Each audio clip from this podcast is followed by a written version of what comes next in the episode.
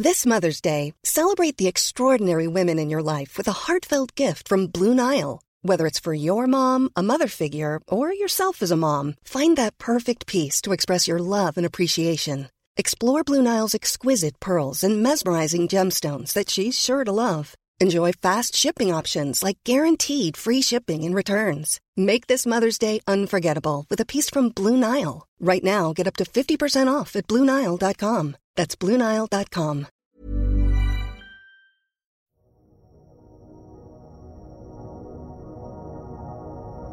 Så Viktor, om, om du fick åka till månen och spendera ja, men, nästan ett dygn där, hade du gått och lagt dig? Eller hur mycket hade du sovit? Ja, alltså man har ju varit på så här, eh, LAN längre tid än så utan att behöva sova. Så att om man hade åkt till månen och varit där ett dygn, nej, då hade jag nog inte gått och lagt mig. Nej men visst, det, det känns lite som bortkastad tid att, att ta en, en skön nattsömn när man ändå tagit sig hela vägen dit. Exakt. Eh, hade man ens eh, kunnat sova tror du? Nej, det hade nog varit ganska svårt att, att somna. Jag tror att man är så pass exalterad. Men samtidigt som astronaut så måste man väl ha genomgått de här testerna och det kanske inte är en så stor grej. Ehm, utan man kanske tänker det som en, en vanlig dag på jobbet. Skönt att komma hem och gå och lägga sig. Precis, det är vardag för dem också.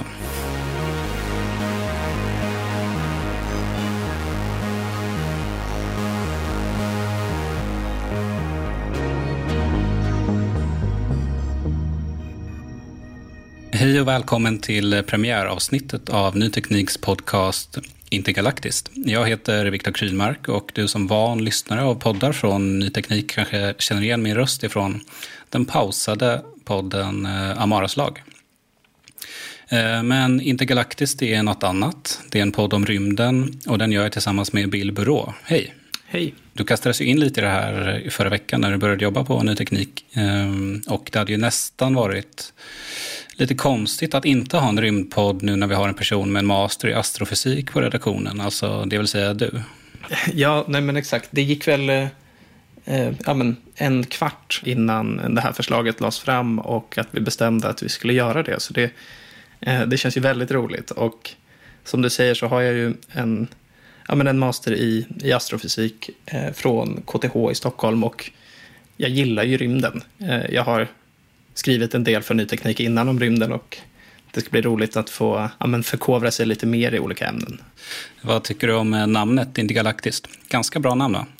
Ja, men jag tycker det är jättesnyggt. Det sitter bra eh, i munnen. Liksom. Intergalaktiskt. Det känns proffsigt, men eh, kanske svårt att marknadsföra. Men vi får väl se om någon, om någon hör det här så kan man ju höra av sig och säga vad man tycker. Precis.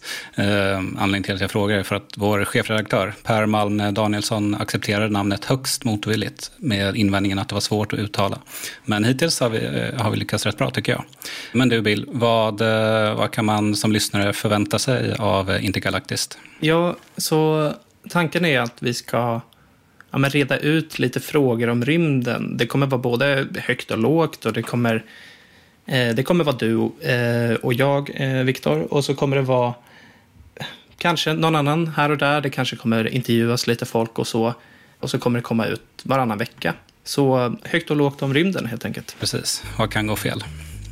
Med det sagt, kan du inte ta oss in i dagens ämne? Jo, men visst. Eftersom att det här är första avsnittet av Intergalaktiskt så tycker jag att det mest passande är att ta upp månresor. Speciellt nu när NASA har en ny storsatsning på gång som heter Artemis. Vi spelar in det här avsnittet innan uppskjutningen av Artemis, men om NASA lyckas få till allting så är det här första gången sedan Apollo 17 var på månen för 50 år sedan som vi återigen försöker sätta människan på månen. Men mer om Artemis senare. Jag tycker att vi börjar med Apollo-programmet och den rymdkapplöpning mellan USA och Sovjet mm. som ledde till en otrolig teknikutveckling som kulminerade med månlandningen 1969. Precis. Det känns som att det finns ett eh, extremt känt eh, ljudklipp eh, ifrån den, den händelsen. I'm gonna step off the limb now. It's one small step for man, one giant leap for mankind. Du pratade om eh, rymdkapplöpningen. Jag trodde typ att det var ett ganska nytt begrepp som lanserades i samband med att det blev eh, hett med projekt Åka till Mars.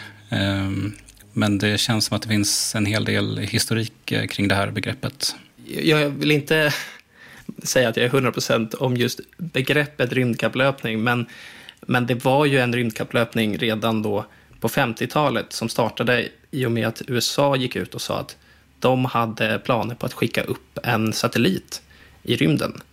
Och bara fyra dagar efter USAs presskonferens, då gick Sovjet ut och sa vi tänker göra exakt samma sak. Och det här var ju då mitt under kalla kriget och det var spänningar över liksom hela jorden mellan de här två supermakterna. Och rymden blev en del av det här och man ville verkligen vara först och visa att man var en teknologisk övermakt. Och i det här fallet så, då på 50-talet, så då vann ju Sovjet lite, för de, var, de blev ju först med satelliten Sputnik eh, 57.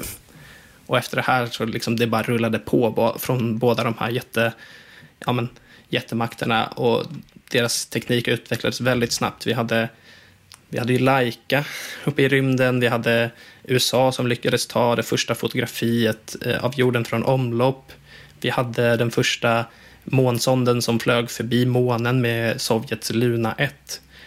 Eh, och sen då 1961 så lyckades ju eh, Sovjet få upp en människa i rymden med Yuri Gagarin. Eh, och det ledde ju också då till en ganska ökad insats från John F Kennedy när han satte upp ett tydligt mål med att sätta människan på månen inom ett årtionde. Då. Just det. Vad gjorde Yuri Gagarin i rymden då? Han gjorde nog inte så mycket. Han var, han var inte där eh, särskilt länge, men, eh, men han, han sköts upp, eh, eh, flög väl runt, runt eh, jorden. Jag vet inte om det var en eller några gånger och sen, sen kom han ner igen. Men eh, att tänka sig att någon gjorde det ja, men redan 1961 är ganska häpnadsväckande, tycker jag. Eftersom att vi, mm. vi hade väl knappt ja, men, fungerande bilar i Sverige, vill jag säga. Men det, så det stämmer väl inte. Nej, jag håller med. Jag eh, lyssnade faktiskt på um, John F Kennedys tal inför det här. Och eh, bara för att sätta liksom en tidsstämpel på vad som pågick i världen då så kan man ju lyssna på vad han sa här. And then less than two months ago, during this whole 50 year span of human history, the steam engine provided a new source of power. Newton explored the meaning of gravity. Last month, electric lights and telephones and automobiles and airplanes became available. Only last week did we develop penicillin and television and nuclear power. And now, if America's new spacecraft succeeds in reaching Venus, we will have literally reached the stars before midnight tonight. Det känns ju avlägset ju. Ja, nej, men verkligen. Det är en häftig del av historien, men det, men det blir ju mer och mer av ett äh, länge, länge sedan. Precis, men äh, av alla planeter man kunde tävla om att åka till så var det månen alltså. En stor sten. Ja, nej, men exakt. Det, det kan ju kännas lite fattigt om man, om man säger det så, men, äh, men jag tror lite kort så är ju månen den himlakropp som, som är mest framträdande efter solen i, i i våra liv, den, den är ju där. Eh, den, den känns ju så pass nära bara man går ut en natt när det är ja, men stjärnklart och det är fullmåne så, så känns det ju nästan som att ja, men, man, man borde kunna nå den och jag tror att det har varit en, en väldigt stor del av det här. Att ja, men, den har alltid synts för alla. Den är så pass nära att det är faktiskt görbart med den tekniken som fanns. Att att sätta någon på månen skulle vara att visa på teknologisk makt, men det skulle inte heller vara helt omöjligt. Um, och från USAs håll tror jag också att just månen blev ett större mål i och med att Sovjet lyckades först med flera månbaserade grejer. De, de var ju både då med Luna 1, första rymdsonden förbi månen, den, en så kallad flyby. Eh, Luna 2 kraschlandade på månen och blev då den första eh, sonden att landa på månen. Eh, och Luna 3 hamnade i omlopp runt månen och blev den första eh, sonden att ta bilder på den bortre sidan av, eh, av månen, den sida som inte syns från jorden. Så, så USA var ju lite efter och ville väl komma ikapp, på, ja, ikapp och förbi. Alltså den delen som kallas för Dark Side of the Moon, eller? Ja, men exakt. Så det, mm. Där finns det väldigt många kratrar och, och berg och sånt där som, som heter saker på ryska. Eh, för det är ju lite så att den, den som upptäcker det får döpa det. Så Sovjet var ju först där. Det var inte jättelänge sedan som eh, vi hade en artikel på Ny Teknik om, eh, om det var den här kinesiska rymdsonden som tog en bild från månen och så var det så här, vad är det här för en mystisk låda? som visade sig vara en sten.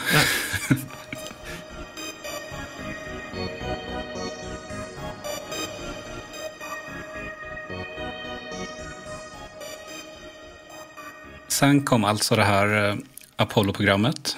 Men först vid Apollo 11 så fick vi till en månlandning. Exakt. Eh, men då blir man ju nyfiken, vad hände med de andra tio försöken? Ja, så, så alla Apollo-uppskjutningar var ju inte tänkta att vara månlandningar, utan det var ju då massa försteg. Vi ville, innan man tog sig dit, vara säkra på att man dels skulle kunna ta sig hem, att man skulle kunna göra lite rymdpromenader och göra alla saker. Eh, men Apollo-programmet fick ju också en ganska tragisk start. För eh, under Apollo 1 så eh, skulle det, ja, det skulle vara en uppskjutning och i förtesterna för den här uppskjutningen så uppstod en brand på, när raketen liksom stod på uppskjutningsplatsen och besättningen var inne i raketen.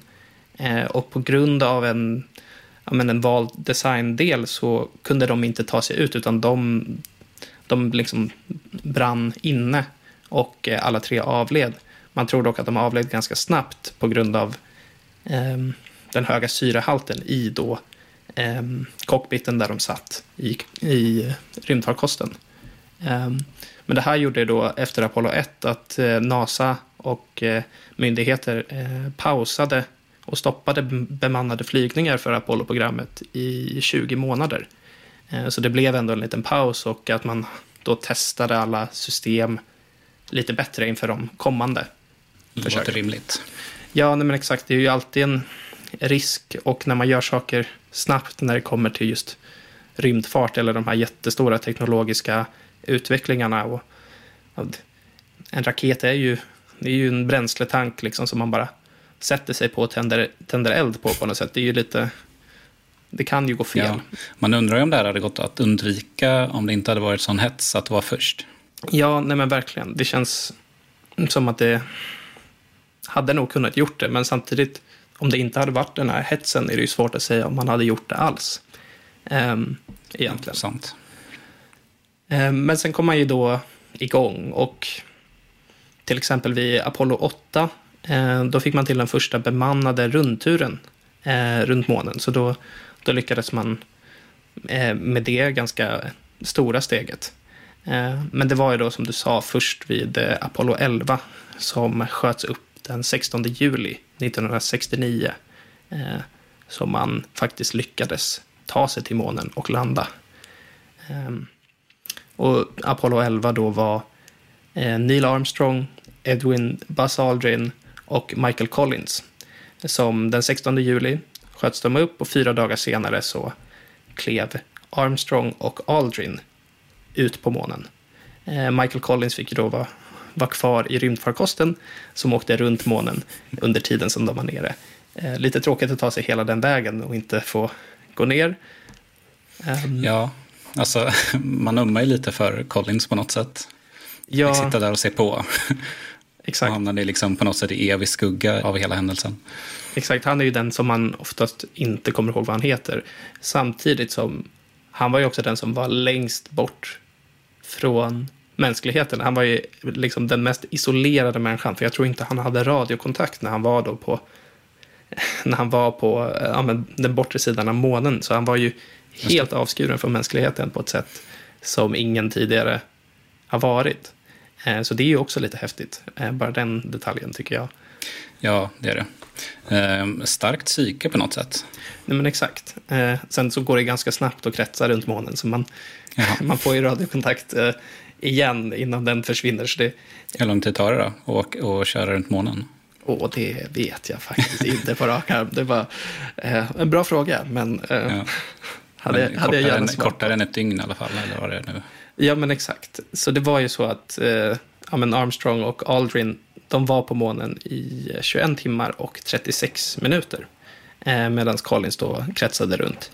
Eh, och när de var där nere så gjorde de det här klassiska, de reste flaggan, de tog lite bilder. Eh, vi fick några klassiska fina citat.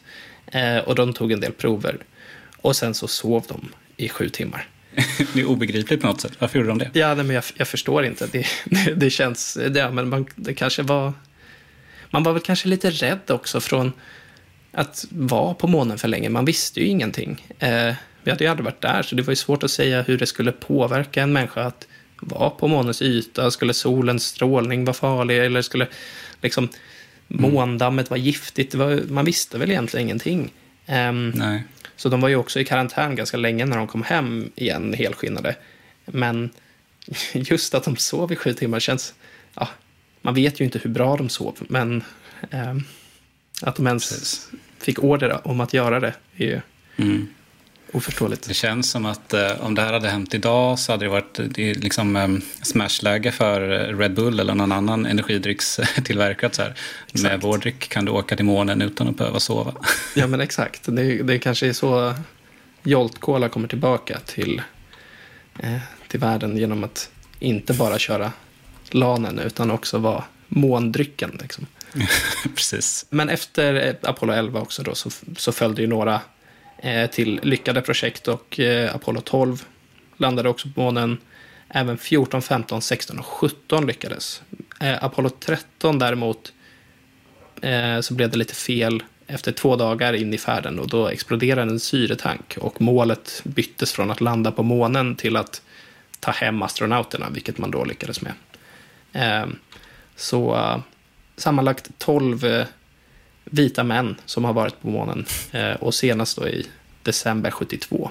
Ganska precis 50 år sedan nu faktiskt.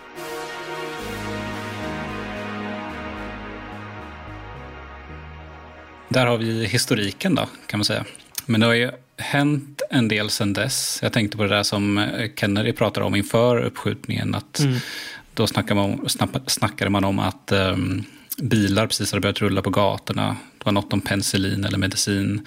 Ehm, nu idag rullar elbilar på gatorna och vissa mer eller mindre självkörande.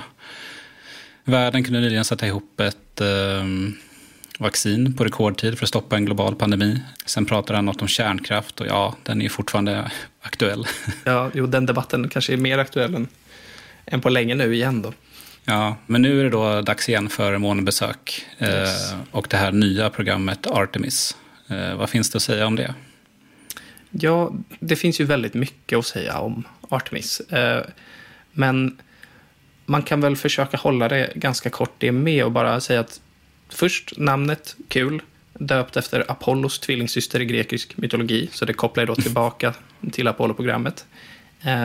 Det är NASAs nya satsning på att återsätta människan på månen. Och den här gången ska det ju då inte bara vara vita män, utan man vill även liksom slå ett slag för mer liksom, inkluderande eh, besättningar. Så det kommer vara kvinnor och personer med annan bakgrund i de här flygningarna. Artemis består av väldigt många olika delsystem. Eh, och för att nämna några så har vi då eh, den jättestora raketen Space Launch System och sen rymdfarkosten Orion där besättningen kommer befinna sig i. Vi har också månlandaren som heter Human Landing System. Ehm, så de här kommer ju då att testas i olika, ehm, vid olika tillfällen under Artemis-programmet. Ehm, och sen så kommer man också bygga upp en månbas för att etablera en mer kontinuerlig vistelse på månen för att inte bara åka dit, vara där en kort stund och sen åka hem, utan att kunna ha eh, folk på månen som bedriver forskning och liksom ha, ha som en månbas. Ehm, vilket känns ganska kul, tycker jag. Det låter ju, låter ju mäktigt. Ja, En månbas. exakt. Bara ordet gör ju att det är värt det nästan. Eh, Att kunna säga att vi har en månbas. Eh, och alla de här testerna kommer ju också leda till att vi förstår hur man kan göra sådana här etableringar på andra himlakroppar för att i slutändan då kunna ta oss till Mars till exempel. Um, som, ja, men det är väl lite slutmålet för Artemis-programmet också, att visa att vi kan ha närvaro här, därför ska vi nu göra så att vi kan ha närvaro på andra planeter. Eller, ja, månen är ingen planet, men på andra himlakroppar, som till exempel planeter. Apropå den här månbasen, det är ju liksom på något sätt NASAs projekt det här. Ja. Är det bara för USA eller? Det har jag ganska svårt att tänka mig. Det brukar vara ganska mycket liksom internationella samarbeten i de här projekten. Så även om det är NASAs månbas och det kanske är viktigt för USA att trycka på att det är just de som bygger den här, så tror jag att de flesta kommer få tillgång till det här. ESA eh, är med och bygger eh, och utvecklar rymdfarkosten Orion, eller i alla fall delar i den, som är en del av Artemis-programmet. Så de, eh, de har ju ett finger med i spelet. Så det kommer säkert vara internationell forskning som bedrivs på den eh, månbasen. Skulle du vilja besöka den? Det hade jag jättegärna gjort. Eh, mm. Svårt att tänka mig att, eh, att jag skulle få det dock, men ja. man kanske kan få göra första reportaget från månens yta eh, om, man, om man har lite tur. Det vore coolt. Men eh, det här, eh, hela den här grejen har blivit lite försenad ju. Ja, Artemis 1 skulle ju då egentligen blivit av under sommaren 2022. Men eh, bränsleläckor och diverse tropiska stormar gjorde att det här sköts på.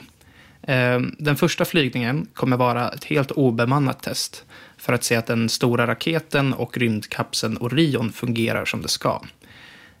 Orion kommer att åka runt månen och vara borta i runt 25 dagar, då helt tom. Eh, det kommer dock finnas en del vetenskapliga instrument i kapseln. Eh, och det ska bland annat mäta strålningen från solen för att se hur astronauter skulle kunna påverkas av resan. Så Artemis 1 eh, kommer bli... Det är fint att man har lärt av historien då. Jag skickar en obemannad. Ja, men exakt. Samt att Eh, Artemis 1 kommer bli ungefär lika bortglömd som Collins som bara är där uppe och tar ett varv och åker hem igen. Exakt, och risken finns väl att även Artemis 2 blir det. Även fast det kommer vara en besättning där så, så ska även den gången ingen landa på månen. Utan där kommer Orion då ha en besättning, men de kommer flyga runt månen och komma tillbaka. Och det är först vid Artemis 3 som vi faktiskt ska landa på månen igen. Och det här ja, är planerat att ske 2025. Men som det ofta blir med sådana här projekt så så kan man nog räkna med att det blir lite förseningar eh, på olika sätt.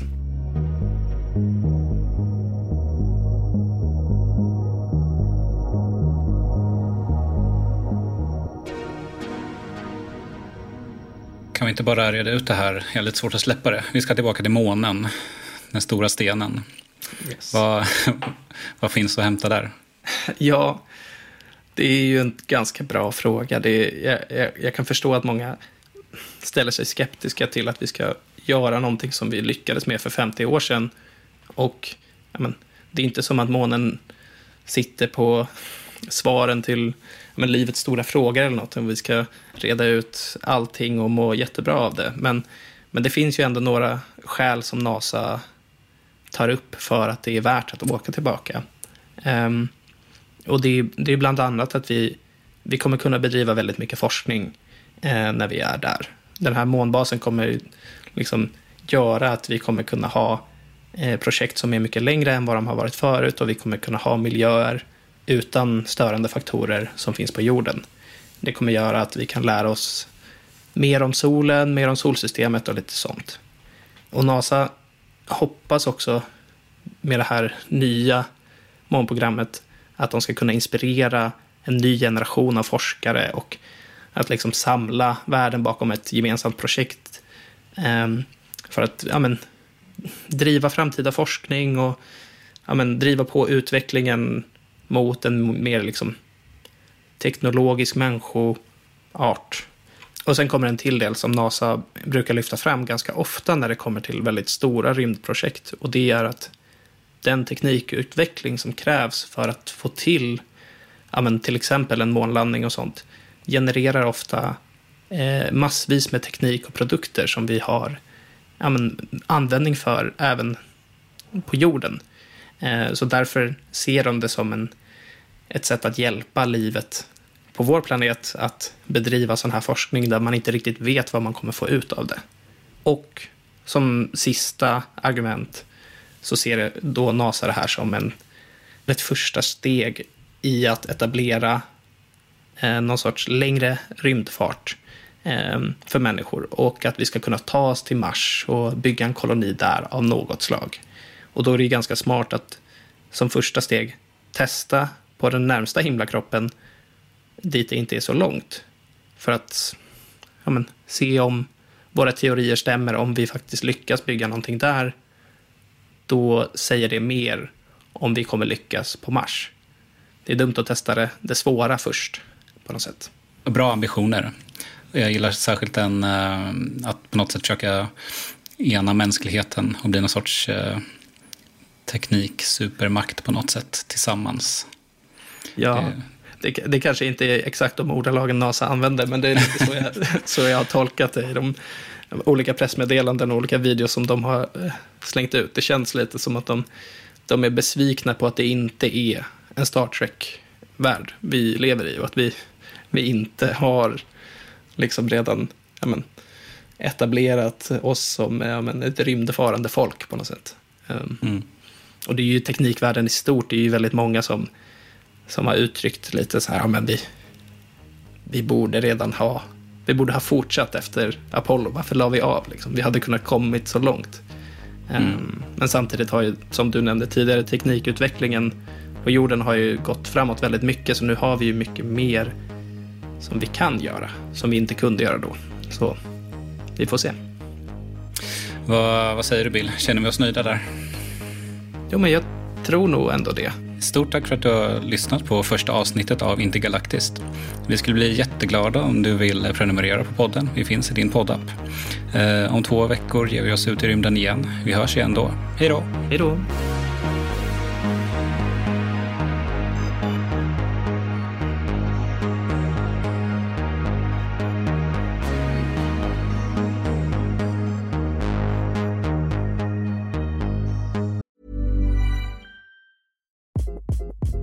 Hi, this is Craig Robinson from Ways to Win, and support for this podcast comes from Invesco QQQ, the official ETF of the NCAA. Invesco QQQ is proud to sponsor this episode and even prouder to provide access to innovation for the last 25 years. Basketball has had innovations over the years, too. We're seeing the game played in new ways every day. Learn more at Invesco.com slash QQQ. Let's rethink possibility. Investco Distributors, Inc.